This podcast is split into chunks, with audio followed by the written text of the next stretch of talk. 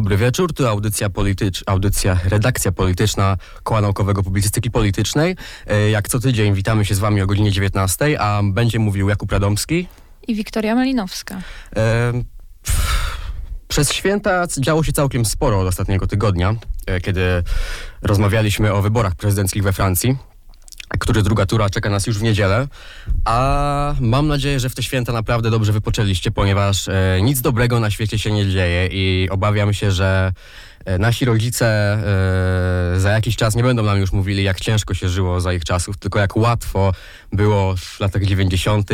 i to my będziemy, to my będziemy narzekali po prostu, jak ciężko się nam żyje, jak oni mieli łatwo, jak, jak, w jakich oni żyli łatwych, dobrych, zepsutych czasach, a my się męczymy. No i męczymy się z czym? E, krótki briefing prasowy, jak zwykle. E, przede wszystkim bardzo smutna wiadomość. E, miał miejsce dzisiaj w nocy e, wybuch metanu, prawdopodobnie metanu w e, kopalni w Pniówku, e, nieopodal Jastrzębia Zdroju. I na ten moment wiemy o śmierci pięciu osób. Kolejne siedem ratowników, którzy udali się pod ziemię, e, mm, zostało odciętych na, sk- na skutek drugiej eksplozji, która była znacznie groźniejsza. E, 20 górników znajduje się w szpitalach porozrzucanych po całym Śląsku e, z ciężkimi obrażeniami, a tacy z, najcięż, z takich z najcięższymi jest 10. Lekarze informują o poważnych rokowaniach.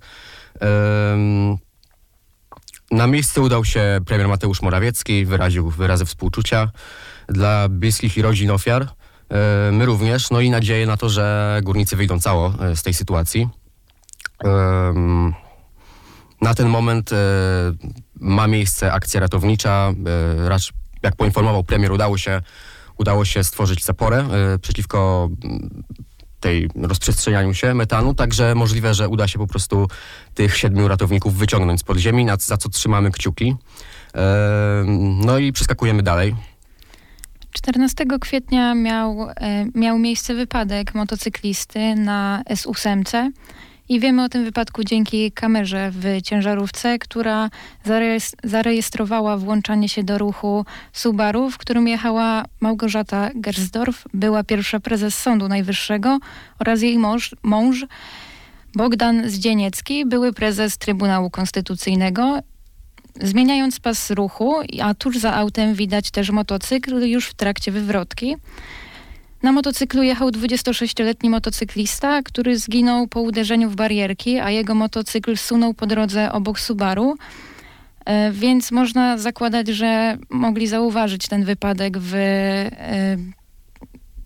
lusterkach samochodu. No, nie było to dość trudne, umówmy się, na drodze, na drodze raczej generalnie zasadą jest e, orientowanie się w sytuacji, która dzieje się wokół ciebie. No, najważniejsze wydaje mi się, że jest to, że Małgorzata Gersdorf wraz z mężem nie zatrzymała się, aby pomóc motocykliście i oboje twierdzą, że widzieli tylko jakąś blachę, która się odbiła od ich auta.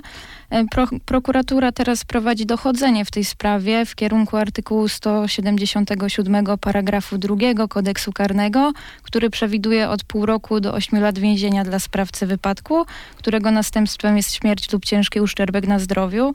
Można powiedzieć, że zdania są podzielone. Niektórzy twierdzą, że do wypadku przyczynił się Bogdan Zdzieniecki, który kierował Subaru, który przez zmianę pasa mógł zahaczyć o kierowcę motocyklu. Niestety tego nie widzimy na kamerze.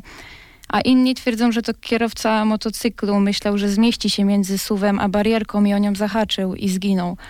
Prokuratura mm, dalej jest w trakcie śledztwa, więc dowiemy się pewnie za kilkanaście dni, co z tego wyniknie. Co, lubimy komentować, ale może powstrzymamy się od komentarza, skoro mało, mało w gruncie rzeczy wiadomo. E, nie śmiejemy się z cudzych wypadków, póki, zwłaszcza kiedy nie wiemy, nie znamy okoliczności faktycznych. Natomiast warto poinformować i myślę, że e, twierdzenie, e, że się nie widzi, co się dzieje na drodze jest co najmniej niefortunne, jak myślisz. Dokładnie. Wydaje mi się, że w ogóle y, mając prawo jazdy powinniśmy po, prostu sprawdzać lusterka jak najczęściej, tym bardziej na drodze szybkiego ruchu, którą jest S, S8. A na tym nagraniu widać dokładnie, że ruchu nie było i jest tylko ten Subaru i motocykl, który sunie zaraz obok ich drzwi. Wydaje mi się, że po prostu nawet huk takiego wypadku jest słyszalny w aucie. No, przechodzimy dalej. Jak mówię, nic, nic dobrego. E, trwa dalej protest, strajk właściwie kontrolerów lotniczych, mm, głównie tych warszawskich, aż e, około 170 z 200, którzy znajdują się w stolicy Polski, e, zapowiada, czy grozi odejściem z pracy. E, znajdują się obecnie w okresie wypowiedzenia. No z końcem miesiąca e, ten protest trwał już od jakiegoś czasu, informowano o nim na początku roku w związku z obniżką płac. Kontrolerzy zarabiali dość nieźle. E, do COVID-a, po covid się pogorszyło, no i e, rząd po prostu, znaczy rząd, e, pracodawca e, nie, e, wszystko lubimy obwiniać rząd, a to nie zawsze tak jest. Pracodawca e, mm, no nie, pod, nie, nie, pod, nie podniósł tych płac, które znacznie spadły w wyniku pandemii, e, no i obni- sprzeciwiają się kolejnym obniżkom. No i grożą odejściem z pracy, co grozi w konsekwencji e, paraliżem ruchu lotniczego nad Polską. E, to nie są żarty. Już mamy teraz opóźnienia m, równe 40 czy 90 minutom. E, protestują również przeciwko m, takim dyżurom, na których znajduje się, podczas których w grafiku widnieje jedna osoba, jeden kontroler lotów, żeby no, zwiększyć bezpieczeństwo. E, mimo tego, że były jakieś tam przejściowe porozumienia przed świętami, no to mm, Wydaje mi się, że głównym problemem tutaj może być to, że nie, nie za bardzo doceniamy my sami tych ko- kontrolerów i to, jaką oni mają ważną funkcję w tych e, lotach, no bo wiadomo, każdy z nas ma świadomość tego, że pilot samolotu jest bardzo ważny, ale chyba mało, mało osób zdaje sobie sprawę, że to nie tylko piloci dbają o nasze bezpieczeństwo i właśnie tacy kontrolerzy też powinni być doceniani w jakiś sposób i dlatego pewnie też strajkują, bo widząc odbierane im płace, to po prostu nie jest nic fajnego, tak? Bo oni sobie zdają sprawę z tego, że są potrzebni i że ich praca to też wiadomo, muszą mieć świeżą głowę, muszą być wypoczęci, żeby wszystko widzieć i unikać tych wypadków. No tak, w ogóle e, bez nich no to ruch lotniczy by nie mógł funkcjonować właściwie, no bo piloci pilotują, wiadomo, wszyscy, wszyscy właśnie o nich słyszą, wszyscy e, często ich przynajmniej widzą, e, wszyscy widzą stewardessy, które tam noszą kawę, no ale kontrolerów lotów, no to mało, mało ktokolwiek widzi, no i bez nich to raczej nie mogło funkcjonować, no i to jest chyba kolejna grupa zawodowa w Polsce, która czuje się olewana i traktowana jak niepotrzebna, mm, podobnie jak wiele innych ważnych grup poniekąd zawodowych w tym kraju. E, Na razie porozumienia nie ma, bo kolejna faza negocjacji była dzisiaj, trwała 6 godzin, no ale mm, mm, nie ma y, jeszcze zgody. Kolejna ma być dopiero w poniedziałek, a przypomnijmy, że czas mamy mniej więcej do końca kwietnia. 25, do 25 kwietnia Polska Agencja Żeglugi Powietrznej ma przygotować jakieś awaryjne rozwiązania. E, także e, rząd mówi, że mm, zmienią się może zasady, po prostu wymogi, e, rygory przyjmowania na takie stanowisko. E, na przykład zostanie zniesiony wymóg biegłego posługiwania się językiem polskim, co miałoby w ogóle ułatwić e, wykonywanie takiego zawodu i cóż, zwiększyć bazę potencjalnych kontrolerów lotów. Em, Zobaczymy, jak będzie. E, natomiast nie wydaje się, żeby to zmierzało w dobrym kierunku. Miejmy nadzieję, że jednak e, nie będzie paraliżu ruchu lotniczego nad Polską. Tym bardziej przed majówką, gdzie Polacy zapragnęli wyjazdów po COVID-zie i to, że te obostrzenia spadają w większości krajów. E, Dużo Polaków sobie zaplanowało wyjazdy, a tutaj mamy nad głową paraliż, który może się pojawić właśnie tuż przed majówką, także Jak nie COVID, to strajk. No cóż. No i e, jeszcze gwoli takiej kronikarskiej, e, kronikarskiego obowiązku musimy wspomnieć o tym, co dzieje się obecnie w Ukrainie, ponieważ e, przez ten tydzień wydarzyło się naprawdę dużo, nawet nie tylko w samej Ukrainie, ale w, całym kontekście ukraińskim. Oczywiście więcej na ten temat e, mówimy w naszym e, sobotnim formacie Raport z Frontu, także nie będziemy za bardzo rozwodzić się na ten temat. E, natomiast szybko podsumujemy, mm, co się działo. E, przede wszystkim e, mm, nie zaczynając od tego, co teraz się dzieje, czyli od wielkiej bitwy o Donbas, która się, którą, której rozpoczęcie ogłosił prezydent Zełenski w poniedziałek, no, późnym wieczorem, a w zasadzie no to mm, bardziej ogłosili ten początek Rosjanie ruszający swoją ofensywą. E, Świat żył e, przez w tamtym tygodniu jeszcze zatopieniem krążownika Moskwa, czyli okrętu flagowego floty czarnomorskiej. E, Rosjanie początkowo mówili, że to wybuch pożar, składu amunicji. Na, na początku w ogóle zaprzeczali, że cokolwiek się z tym krążownikiem stało. To jest taka e, rosyjska tradycja zaprzeczania, że coś złego się stało. E, pojawiają się nawet takie publicystyczno-komentatorskie e, wzmianki, że to jest jakaś klamra spinająca początek rządów Władimira Putina. Przypomnijmy okręt podwodny Kursk i, dramat marynarzy, którzy tam byli. No i teraz e, kolejne kłamstwa rosyjskie w związku z zatopieniem krążownika Moskwa. Mm, no bo właśnie, Rosjanie powiedzieli, że to mm, pożar i wszyscy marynarze przeżyli, zostali ewakuowani. Ukraińcy i większość e, mediów e, świata zachodniego, powiedzmy, bez wartościowania, ale jednak z odrobiną wartościowania tego. Twierdzą, że to Ukraińcy zatopili oczywiście e, rosyjski okręt wojenny. Mm, Tak, okręt, ten okręt wojenny, do którego zwrócili się obrońcy Wyspy Węży pierwszego dnia wojny. E, wydano w ogóle znaczek pocztowy upamiętniający tą rocznicę, znaczy rocznicę, co ja gadam, e, upamiętniający to wydarzenie, do którego ustawiają się teraz kolejki przed urzędami pocztowymi na w Ukrainie. No i Ukraińcy mieli go zatopić e, pociskami Neptun m, własnej produkcji. E, Co jeszcze? No to Szwecja i Finlandia coraz głośniej mówią o wstąpieniu do NATO. E, Dotąd się przez lata bały. Było to w ogóle poza jakąkolwiek kwestią, poza dyskursem politycznym, żeby nie drażnić Rosji. No więc Rosjanie bardzo sobie pomogli w tym, żeby Finlandia i Szwecja wstąpiły do NATO. Mm, E, Miał miejsce, miała miejsce wizyta prezydenta Andrzeja Dudy i prezydentów państw bałtyckich w Kijowie, w której miał również wziąć udział prezydent Niemiec e, Walter Franz, Franz, Frank-Walter Steinmeier.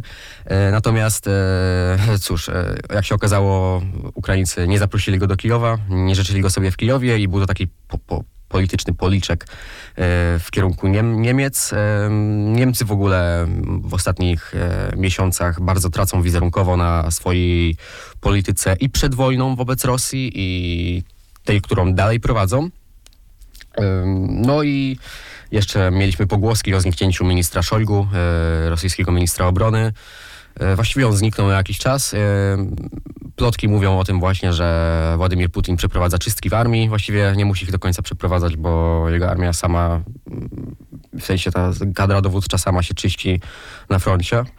E, O czego przyczynach, mam nadzieję, będziemy mówić szerzej w sobotę. Natomiast no, minister miał zniknąć i miał doznać rozległego zawału czy udaru. W każdym razie nie na skutek przyczyn naturalnych, a po prostu stał się niewygodny dla e, Kremla. No i e, przechodząc, kończąc brief już, e, to co się dzieje na od początku tego tygodnia, czyli wielka bitwa o Donbas, której, e, która stanowi jakąś drugą fazę wojny i ma generalnie rozpocząć em,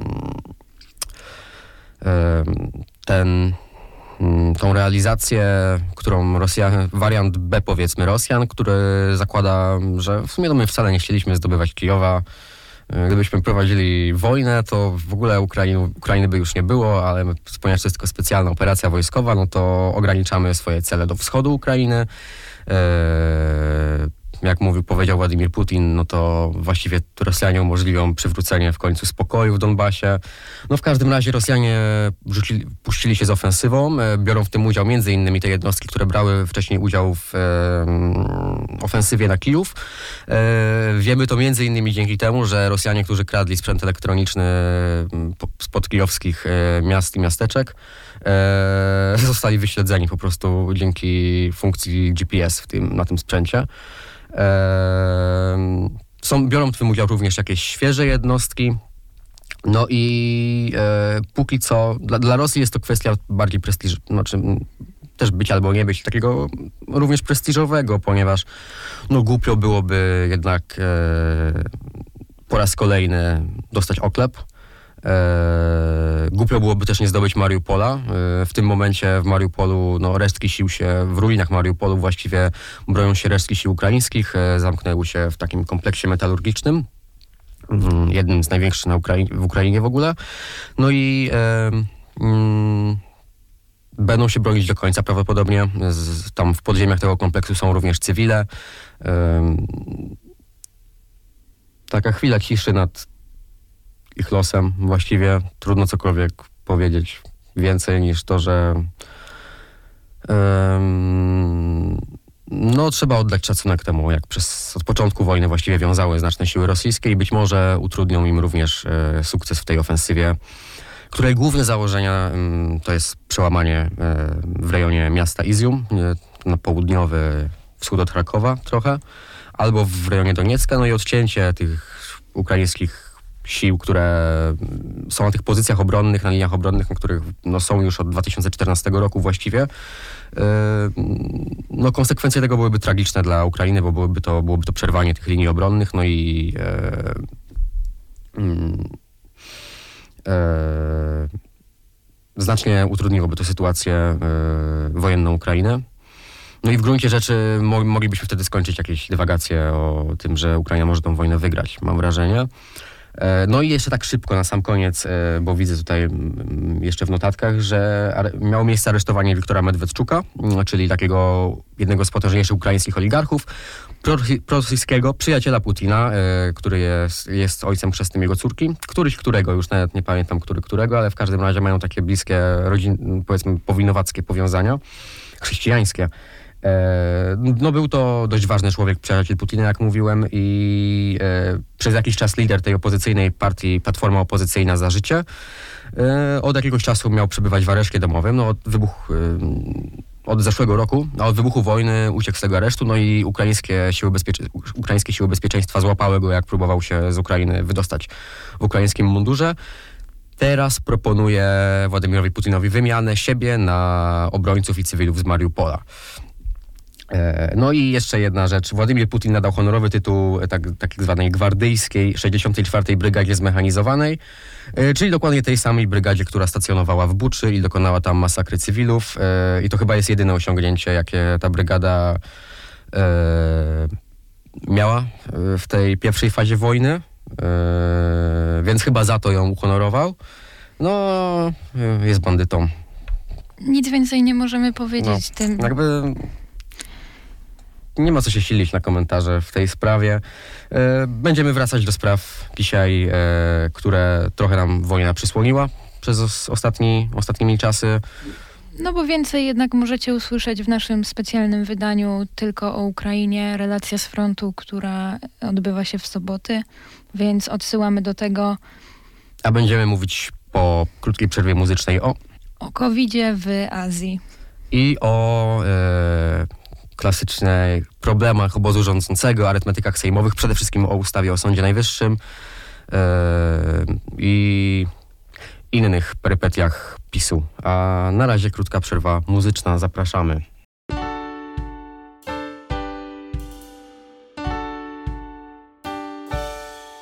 I witamy Was z powrotem. E, Teraz troszkę o tym nieszczęsnym COVID-zie w Azji.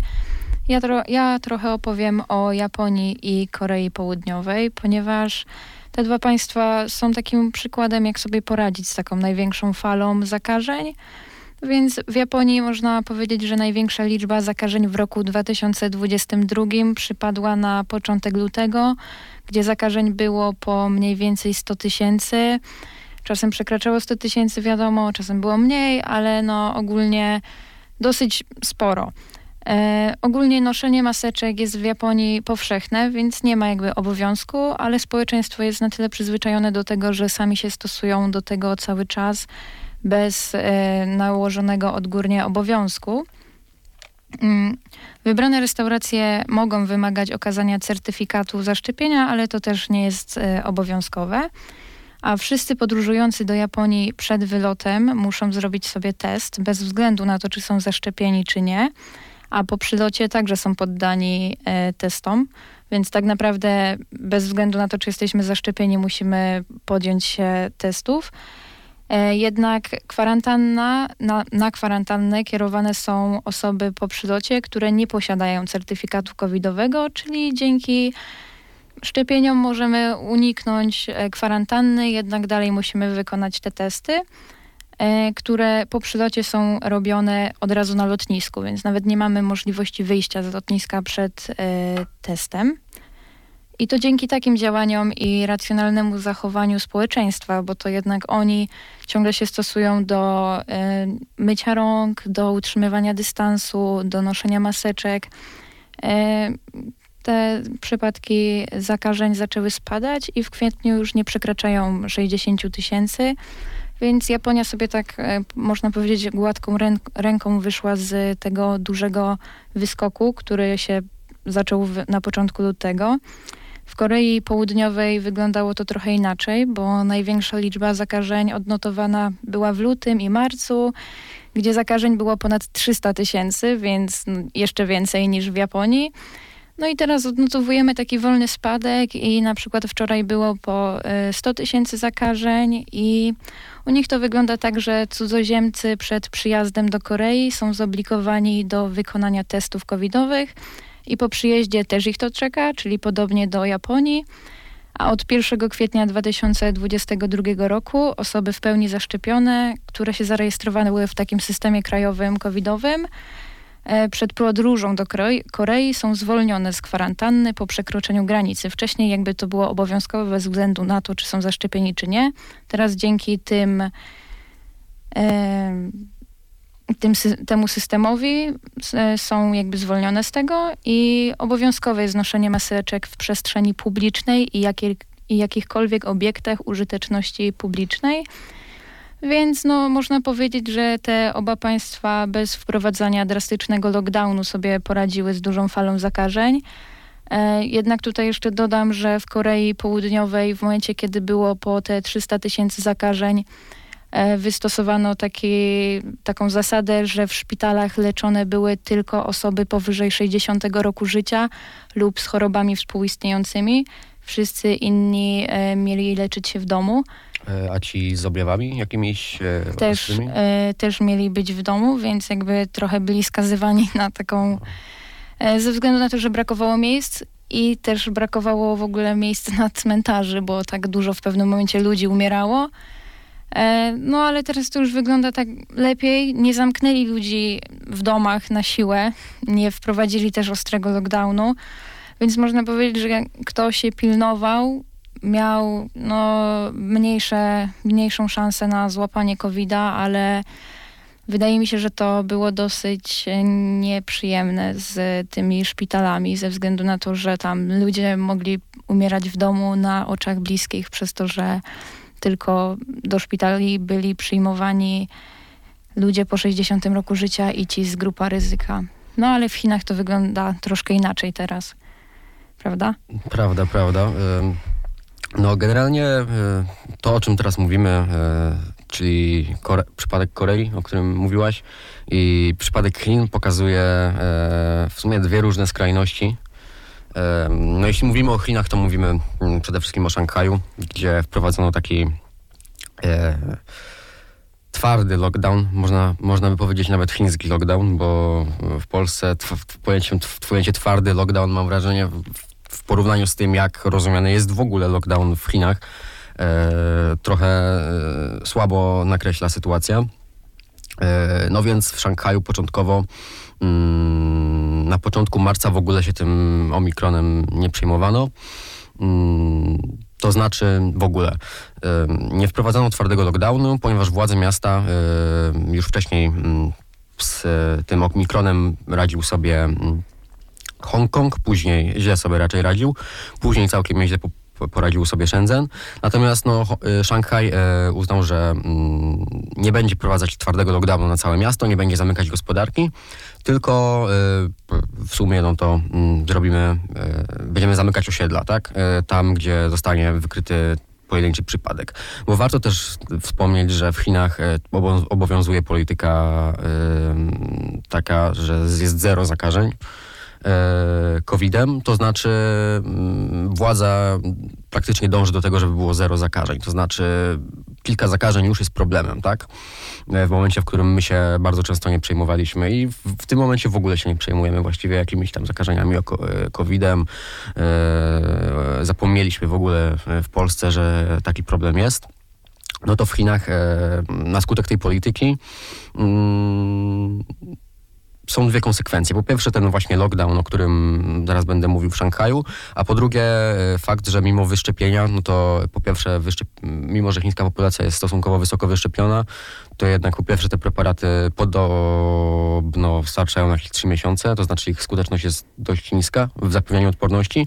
No a po drugie właśnie to ta polityka sprawia, że społeczeństwo chińskie nie nabywa jakiejś takiej mm, odporności, jaką nabywają społeczeństwa e, w Europie na przykład. No i poza tym właśnie ten, ta kwestia lockdownu, ponieważ no, o ile ta polityka, którą Szanghaj prowadził w odniesieniu do, do pierwszej fali e, koronawirusa, to znaczy tego mm, dwa lata temu, tej, tego wariantu powiedzmy zerowego yy, i jakiś tam ognisk delty, no to yy, w przypadku Omikrona zawiodła, głównie dlatego, że wirus jest bardziej yy, zaraźliwy, a mniej zjadliwy. I przez pierwszy miesiąc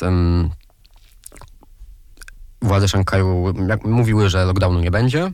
No i z dnia na dzień właściwie ogłosiły wieczorem e, 26 marca lockdownu miało jeszcze nie być, a wieczorem 27 marca ogłoszono, że jednak będzie całkowity lockdown. E, zakażenia już tam wynosiły po kilkaset osób e, dziennie. No i władze ogłosiły, że będzie lockdown. Lockdown po chińsku, czyli e, wszyscy się zamykają w domach i nie ma wychodzenia z domu. E, przy tym należy mowa na przykład o tym, że nie można wyjść po żywność. E, żywność była dostarczana również za pieniądze. No i ten cały system dostaw online padł właściwie. Ludzie dostali parę godzin na zrobienie zakupów żywnościowych na nie wiadomo ile, no kilka, kilkanaście dni. E, społeczeństwo przyzwyczajone właśnie do tego, że no, społeczeństwo ogromnego miasta, które przyzwyczajone było do tego, że mm, ta żywność jest im dostarczana z pstryknięciem palca. E, no i Zostały odcię... Szanghaj został zamknięty całkowicie. E, no, co doprowadziło do e, fali takiej frustracji ludzi zamkniętych w mieszkaniach, często z zaspawanymi drzwiami. E, Jeszcze, że tak ci przerwę, powiem o tym, że nawet śmieci nie mogą wynieść i tam, jeżeli chodzi o śmieci z odpadami, to jeszcze są zbierane przez kogoś tam, ale jeżeli chodzi o plastiki czy coś takiego, mają leżeć w mieszkaniach do momentu, kiedy nie zostaną wypuszczeni i jakby no to jest okropne, już nie mówiąc o zwierzętach, które mają pewnie w domach niektórzy mieszkańcy, to nie wiem jak zwierzęta się muszą czuć, więc wydaje mi się, że to jest zupełnie coś innego i nie wiem, czy jakikolwiek Polak byłby w stanie znieść to, co teraz gotuje e, chiński rząd e, obywatelom. No, Polak e, raczej nie. Mamy ten gen niezgody, o którym mówił rząd, że właściwie to po co, po co w ogóle cokolwiek robić, skoro Polacy i tak się nie zgodzą. Także państwo polskie, można powiedzieć, istnieje tylko teoretycznie, nawet zdaniem Prawa i Sprawiedliwości. No ale już takie czepianie się z mojej strony. Lubimy to robić w tej audycji. E, no i mm, to po pierwsze. No i ludzie zaczęli wychodzić na balkony, e, krzyczeć, bo to był jedyny sposób, w jaki mogli wyrazić swoje niezadowolenie. Także mieliśmy nagrania z Szanghaju, na których mm, ludzie otwierają okna, wychodzą na te swoje balkony, no i krzyczą po prostu. E, władze lokalne, bo też mm, mówimy o władzach lokalnych, rząd chiński daje całkiem sporą autonomię tym władzom, które no, są zmuszone sobie jakoś radzić z COVID-em na swoim terytorium i starają się właśnie mm, jakoś tam zaimponować e, władzom chińskim swoim zdecydowaniem w walce z pandemią. E, no i zaczęli krzyczeć. Władze lokalne wysłały drony i te drony mówiły takie bardzo dystopijne komunikaty. Proszę, prosimy powstrzymać krzyk, proszę przestrzegać tam e, obostrzeń pandemicznych, no i tam, tam było jakieś zdanie w stylu prosimy powstrzymać swoje pragnienie wolności, coś takiego. Także można powiedzieć orwellowskie sceny. E, no i cóż, e, do tego właśnie w przeciwieństwie do tych, tych rozwiązań w Korei, no to zaczęto budować szpitale tymczasowe, do których wysyłano wszystkich zakażonych, e, nawet dzieci, więc e, testowano na przykład dzieci, zdecydowano się w ogóle na sprawdzanie tych mm, jeżeli robiono testy, zdecydowano się, że nie da się, nie ma takich mocy przerobowych, żeby takie ogromne miasto cały czas, całe testować cały czas. I żeby testować może, ale żeby sprawdzać te i weryfikować, więc na przykład sprawdzano mm, co któryś test, co uniemożliwiło jakieś wykrywanie ognisk tej choroby. No i dzieci od drugiego roku życia wzwyż e, potrafiono zabrać, zabrać rodzicom i wysłać je do szpitala tymczasowego. E, Także władze lokalne w Szanghaju właściwie zrobiły, zrobiły wszystko, żeby się skompromitować i żeby było głośno o tym, e, co się tam dzieje. E, Natomiast e, pojawi, słyszałem taką tezę, że e, to jest poniekąd na rękę rządowi chińskiemu właśnie, ponieważ e, rząd lokalny, no mówimy o właśnie o takich rozgrywkach w partii, że rząd lokalny w Szanghaju e, nie cieszy się sympatią Xi Jinpinga i po pierwsze e, niech się kompromituje, bo Czemu nie? czemu nie? A po drugie, e, po drugie, no to mm, w związku z tym, że ostatnio w świecie zachodnim o Chinach się mówiło w, głównie w kontekście wojny rosyjsko-ukraińskiej i głównie w kontekście sojusznika, jako o sojuszniku Rosji, no to mm, jeżeli mówi się o nich z jakiegoś innego powodu, to jaki to, by, jaki to by nie był powód, no to tym lepiej, tak? Tak, wydaje mi się, że w ogóle tutaj mm, Europejczycy patrzą na to tak z bardzo dużą rezerwą, bo w Europie teraz nie ma takich dużych ognisk, a nawet jeżeli są, to nie zwracamy na to takiej dużej uwagi jak wcześniej. Mamy teraz ważniejsze problemy, powiedzmy, na, na tej ziemi, e, jak właśnie wojna. E, No a tam, e, no nie zapominajmy, że ten rząd jest jaki jest i ci ludzie nie mają za dużo do powiedzenia przez to się czują pewnie jak w kajdankach, jakby byli po prostu w więzieniu. E, też nie, nie do końca wiem, czy to jest prawda, więc podkreślam, bo to był filmik, który wyciekł, ale zaraz został usunięty przez rząd e, chiński, jak policjanci pałują ludzi, którzy e, wychodzili na ulicę w jakieś sposoby, więc no wydaje mi się, że to, to jest okropny scenariusz, gdzie no, żaden Polak, w ogóle żadna osoba z Europy by nie chciała się znaleźć w czymś takim, że nasz kraj, że my jako społeczeństwo jesteśmy tak bardzo pozamykani.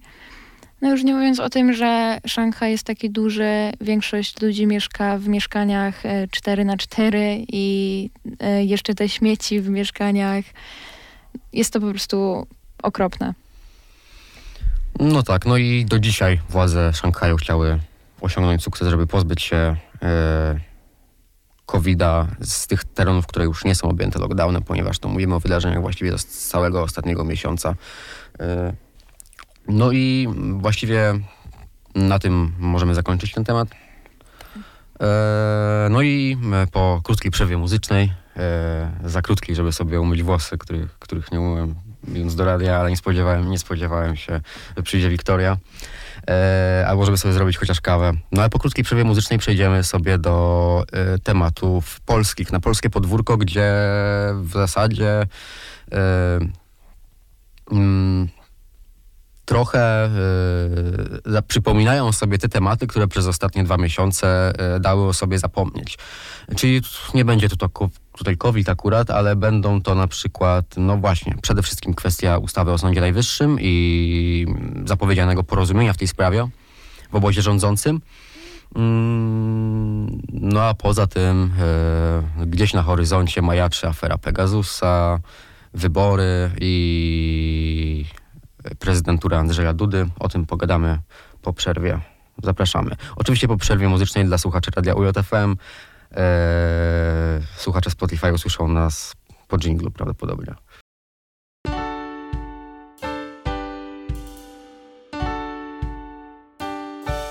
Tu znowu redakcja polityczna Koła Naukowego Publicystyki Politycznej. E, przypominamy o sobie e, i wracamy do e, audycji. Ostatnią częścią naszego bloku tematycznego dzisiejszego no, będzie mm, sprawa ustaw o Sądzie Najwyższym i dalej arytmetyka sejmowa, problemy obozu rządzącego. To o czym lubimy rozmawiać najbardziej. E, Ryszard Terlecki, wicemarszałek Sejmu, z taką charakterystyczną dla siebie e, szczerością. Dzisiaj taką, nie wiem szczerością, może taką bezpośredniością e, i la, lakonicznie stwierdził, że, że się dogadają, odnosząc się do tego, że Komisja Sprawiedliwości wraca do projektów. Zmiany ustawy o Sądzie Najwyższym. E, tutaj warto wspomnieć, mm, chociaż to może mm, e, warto wspomnieć, że e, No, rozchodzi się głównie o Izbę Dyscyplinarną Sądu Najwyższego, którą Unia Europejska chce zlikwidować. To stwierdził wyrok CUE.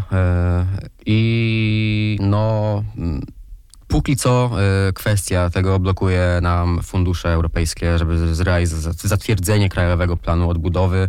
E, No i wygląda na to, że pojawił się jakiś, e, może nie tyle zgoda, to jest, na razie doniesienie powiedzmy bardziej, ale wola zgody, wola porozumienia w obozie rządzącym, przede wszystkim mm, e, ze strony Solidarnej Polski, która miała swój własny projekt. Były takie trzy projekty, dwa Prawa i Sprawiedliwości, który niewiele zmieniał, właściwie utrzymywał Izbę Dyscyplinarną. E, Projekt Solidarnej Polski był trochę odważniejszy, bo on przewidywał co prawda usunięcie nie tylko, ale nie tylko Izby Dyscyplinarnej, ale w ogóle prze, przekształcenie Sądu Najwyższego i e, tak, żeby składał się tylko z dwóch Izb prawa prywatnego oraz prawa publicznego przy zmniejszeniu liczby sędziów i zakresu spraw rozpatrywanych przez sąd. E, no i natomiast takim wiodącym projektem jest projekt prezydencki, projekt Andrzeja Dudy, który zakłada e, likwidację Izby Dyscyplinarnej Sądu Najwyższego, e, czyli tej, tego, tej głównej przeszkody na drodze do Krajowego Funduszu Odbudowy, planu odbudowy, e, umożliwienie przejścia sędziom Izby Dyscyplinarnej do innej izby albo w stan spoczynku. E, tutaj się pojawiają wątpliwości odnoszące się do tego, czy można w ogóle przenieść stan spoczynku tych sędziów, bo mm, no, w ogóle ich legalność jest przez niektórych kwestionowana. E, I utworzenie w miejsce Izby Dyscyplinarnej, żeby zostawić ten e, dyscyplinarny e, organ w Sądzie Najwyższym e, w ręce Izby Odpowiedzialności Zawodowej, która składałaby się z 11 sędziów, których wybierałby prezydent na 11 lat, a miałby wybierać spośród tam losowanych 33 e, ze z całego składu Sądu Najwyższego. Miałby być taki test niezawisłości sędziowskiej, no, odnoszący się przede wszystkim do tych z, z tego nowego KRS-u i mm, no, to są takie główne założenia. Co myślisz? Czy, czy to przejdzie w tym kształcie? Wiesz co, ja myślę, że jak będą chcieli coś przepchnąć, to to pewnie przepchną, bo u nas w polityce to trochę tak wygląda, że wiesz, dogadują się, coś zostaje przepchnięte, nie za bardzo o tym wiemy, coś tam usłyszymy, bo też te ustawy, jak nie przejdzie w ten sposób, to przejdzie pod przykrywką jakiejś innej ustawy, bo to się zdarza. Majstrowanie przy w ogóle sędziostwie. Mm. To w Polsce wygląda jak wygląda Trybunał Konstytucyjny, to wszystko, teraz Sąd Najwyższy. No ja nie wiem, czy w ogóle powinniśmy dyskutować o tym, czy, czy w ogóle my powinniśmy brać pod uwagę zmianę czegoś takiego. Nie, nie jestem w stanie powiedzieć, czy to by była dobra zmiana, czy nie, ale wydaje mi się, że po prostu z tym rządem nic w sędziostwie nie powinno być zmieniane, bo to do niczego dobrego nie prowadzi. No ale jednak e, cały w tym żeby dwoje chciało naraz, a Solidarna Polska już zgłasza jakieś zastrzeżenia do tego projektu. No ale mm, ta kwestia usunięcia Izby Dyscyplinarnej, no jednak e, to mogliby zrobić, co nie? Jakby no, e, to jest ten główny wymóg. E, Solidarna Polska w zasadzie mówi, że no spoko, możemy się porozumieć, natomiast chcielibyśmy usunąć z tego projektu wszystko poza Izbą Dyscyplinarną. Jakby to już jest dużo, ale to, jest taki komunikat w stylu, no dobra, już odpuść, niech usuwają tą Izbę Dyscyplinarną, ale niech nam nic więcej tam nie, nie robią. E, chcieliby do tego dodać jeszcze preambułę, e, która opisywałaby generalnie te miałaby odnosić się do relacji, e, stosunków, e, stos wzajemnych relacji prawa unijnego i prawa polskiego, oczywiście z uwzględnieniem e, orzecznictwa Trybunału Kuchen Konstytucyjnego Julii Przyłębskiej. No, czyli wiadomo, z jaką linią narracyjną byłaby ta preambuła. No i mm, pre, szef gabinetu prezydenta Paweł Szrot poinformował, że prezydent e, oczekuje na przyjęcie swojego projektu, no i że mm, otoczenie prezydenta, otoczenie Andrzeja Dudy jest otwarte na rozmowy. E, natomiast e, chce się trzymać tych głównych założeń. E, no warto dodać, że przede wszystkim się nie podoba otoczeniu solidar, solidar, polityków Solidarnej Polski właśnie e, ta kwestia testowania niezawisłości sędziów. No osobiście nie będę wyrażał komentarzy na temat samej procedury tego testowania, tylko no właśnie pytanie, czy to chodzi o, procedu- o samą procedurę, czy o fakt testowania niezawisłości sędziów. To, to, to, to się tak nie podoba politykom z Solidarnej Polski. Nie wiadomo, mm, chyba, chyba nie wiadomo. Natomiast na koniec bym, e, byśmy wspomnieli może o roli Andrzeja Dudy w tym wszystkim, ponieważ on się nam bardzo uaktywnił ostatnio. Co, o tym, co sądzisz o, o tej zwiększonej aktywności e, pana prezydenta w, ostatni, w ostatnich dniach? Wiesz co, w sumie to nie za bardzo mam jakieś takie zdanie w tej sprawie i, i z tym, jak Andrzej Duda się akurat do tego odnosi, ale w ogóle e, wydaje mi się, że mm, jak wcześniej mogliśmy na niego narzekać, to w tym momencie nie, nie za bardzo mamy e, powody, bo powiedzmy mniej więcej nas dobrze reprezentuje na tej arenie międzynarodowej. Wiadomo, ten angielski z spotkaniem E, wiceprezydent USA nie, niezbyt fajnie wyszło, ale te, te wszystkie inne e, spotkania z prezydentem Ukrainy, czy przedstawienie nas ogólnie na arenie międzynarodowej, to nie wypada źle. I w tym momencie to nawet z, tymi, z tą ustawą, to wydaje mi się, że to też nie jest złe z jego strony, że, że w końcu się uaktywnił jakoś, bo on przez większość czasu swoich kadencji no, był takim niezbyt aktywnym prezydentem, mówiąc o tym lekko, nie, coś tam sobie podpisał, nie, też nie, nie, nie, wyrzu- nie używał swojego weta, a teraz jednak działa, może właśnie takiego prezydenta potrzebowaliśmy, żeby on jednak zaczął y, działać na tej arenie politycznej. Wydaje mi się, że to y, trzeba popatrzeć na to jakby dobrym okiem, nie? bo wydaje mi się, że też dużo Polaków się przyzwyczaiło do narzekania na prezydenta, że Andrzej zły, Andrzej niedobry, a musimy też zauważyć te dobre kwestie, tak? Nie możemy wiecznie, wiem, że Polacy uwielbiają y, cały czas negować i w ogóle narzekać, ale no... Ale dał, im, dał nam ku temu powody też, tak? No tak, wiadomo, ja tutaj e, nie chcę go w żaden sposób bronić, E, tylko w tym momencie wydaje mi się, że jest całkiem okej, okay, można tak powiedzieć, że po prostu radzi sobie w jakiś sposób. Tak, ja spotkałem się z tezą i nie wiem, czy się z nią zgodzisz, że mm, to jest właściwie, to nie jest jakaś autentyczna przemiana wywołana, czy to nagle jakimś e, przyspieszeniem historii i taką przejrzystością i uzdrowieniem polskiej klasy politycznej. To jest w ogóle mm, trochę takie ambiwalentne mam odczucia w stosunku do tego, co się teraz dzieje w polskiej polityce, bo wiadomo, że e, i tak się mm, mimo wszystko oskarżają wzajemnie. Teraz to głównie o, o to, kto bardziej proputinowski był zawsze. E, na przykład dokument TVP Nasz Człowiek w Moskwie, bardzo, bardzo, mm. bardzo polecam. Były tam e, pewne naprawdę, naprawdę e, TVP nie, nie zmieniło swoich metod yy, robienia fikołków widowiskowych jak zawsze, pod pewnymi względami. Natomiast no, yy, takie ambiwalentne mam uczucia wobec tego, że to no, niby, niby się tak ładnie dogadujemy, trochę się ta temperatura opadła, ale czy naprawdę no, yy, żeby do tego dojść, do, doszło, musiało, musiała wybuchnąć wojna na, w Ukrainie. Jakby to, to jest trochę smutne, że dopiero w takich warunkach jako społeczeństwo zaczynamy zdawać jakieś egzaminy na taką mm, spoistość i wspólnotę. Ale spotkałem się też z tezą, że Andrzej Duda po prostu widząc tą dekompozycję obozu władzy i, i mając mając, mając ten e, kapitał polityczny w postaci bycia prezydentem Polski, kiedy Polska tak świetnie się spisuje w kontekście Ukrainy, no to po prostu uznał, że y, teraz będzie grzecznym chłopcem nie dla Jarosława Kaczyńskiego, tylko dla yy, Joe Bidena. Co o tym myślisz? Że to, po prostu, że to po prostu jest taka jego cecha osobowości, że on musi mieć kogoś nad sobą i musi być wobec kogoś grzecznym. Wiesz co, wydaje mi się, że jest to bardzo prawdopodobne, bo wcześniej e, no, jednak był pod tym prezesem Kaczyńskim nie za bardzo się uaktywniał i robił to, co mu kazano, można tak powiedzieć. W tym momencie, no, tylko czy my mamy na to jakieś takie y, rzeczywiste y, dowody? Mamy tylko w sumie takie, wiesz, y, domniemania. Ja nie będę w żaden sposób ani go negować, ani mówić, że jest pod tym Joe Bi- Bidenem, czy nie jest, ale to, jak się zachowuje teraz, wydaje mi się, że to po prostu odpowiada większości Polakom i nie za bardzo nas obchodzi to, dlaczego to robi. Ważne, że coś robi. No, tak mi się wydaje.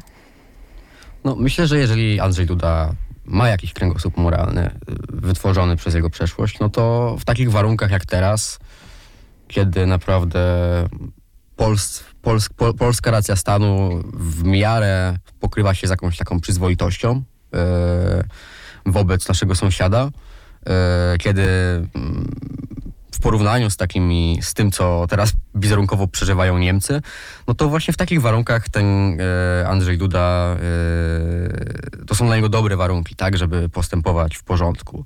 E, poza tym, no wiadomo, druga kadencja wygodnie, e, no a zbliżających się kadencjach i tych parlamentarnych e, i innych porozmawiamy już za tydzień, bo czas nas nieubłaganie goni, e, mówili do Państwa Wiktoria Malinowska. Jakub Radomski. Dziękujemy bardzo e, i e, zapraszamy za tydzień. To była redakcja polityczna Koła Naukowego Publicystyki Politycznej. Do usłyszenia.